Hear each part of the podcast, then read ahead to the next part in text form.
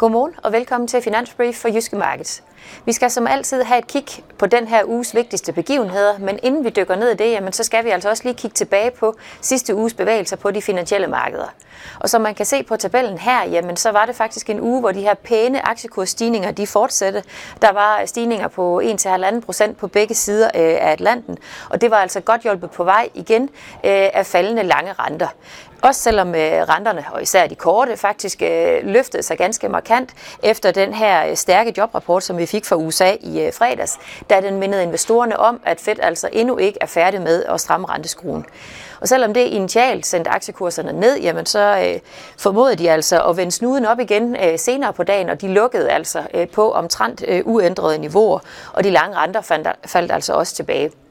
Det man også kan se, det var, at olieprisen steg et par procent i, øh, i sidste uge, og olien er faktisk i fokus igen i den her uge.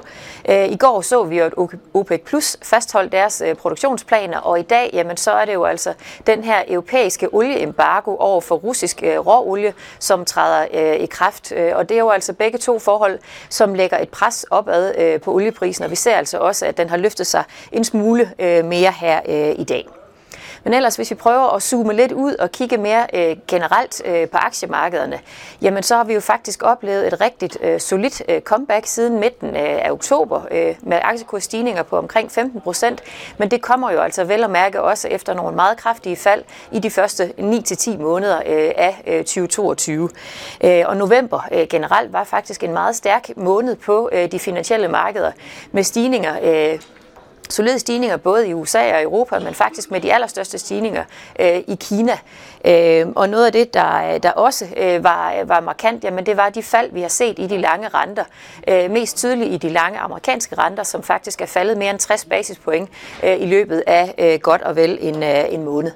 Og årsagen til den her gode stemning på de finansielle markeder generelt, jamen den skal egentlig findes øh, i to forskellige forhold.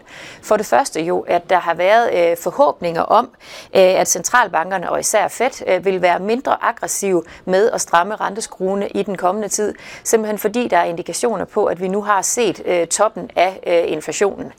Derudover det andet forhold, der også har medvirket til en bedre øh, risikoappetit, kan man sige, jamen det er så forhåbninger om, at øh, Kina øh, er på vej til at blive mindre restriktiv i deres øh, coronahåndtering, sådan så at vi kan komme til at se, at de øh, på et eller andet tidspunkt inden alt for længe kan begynde at ændre på den her ellers øh, meget øh, skarpe øh, nul-tolerance-politik øh, over for corona. Til gengæld så har dollaren været under pres øh, i takt med, at øh, risikopræmien øh, er, er blevet øh, mindre, kan man sige, og dollaren øh, svækkede sig omkring 1,5 procent i sidste uge og omkring øh, 5 procent i løbet af november øh, måned. Øh, og det er altså en, øh, en ganske øh, markant bevægelse. Men det store spørgsmål, det er selvfølgelig så, om den her positive stemning på de finansielle markeder kan komme til, kan holde ved, også i øh, den kommende tid, altså om især aktierne kan holde kadencen. Øh, og vores holdning er jo altså stadigvæk, at det vi oplever i øjeblikket, det er det, man kan kalde et bear market rally. Altså, hvis man skal sige det sådan lidt populært, øh, jamen så er det altså tørværsdage i en regntid. Og det handler jo altså om, at vi vurderer, at aktierne stadigvæk ikke øh, indregner øh, det fald i indtjeningen, som vi vil forvente, der kommer øh, på ryggen, hvis vi får ret i vores øh, prognose om, at både USA og Europa er på vej ind i en øh, recession. Øh, man kan sige, den, øh, det vi ligesom vurderer, jamen der er, så har vi altså ikke set øh, det værste endnu. Vi er altså stadigvæk i øh, en eller anden form for en nedtrend øh, på aktiemarkedet, som jo altså så bare er afbrudt, kan man sige, af et midlertidigt comeback. Og det er bestemt ikke noget øh, unaturligt fænomen. Det er faktisk øh, det fjerde øh, bear market rally, som vi øh, oplever her i øh, 2022. Øh, på trods af, kan man sige, at aktierne jo altså stadigvæk er nede med 8-10 procent i Europa, øh, og næsten 15 procent, når man kigger på de ledende øh, amerikanske indeks.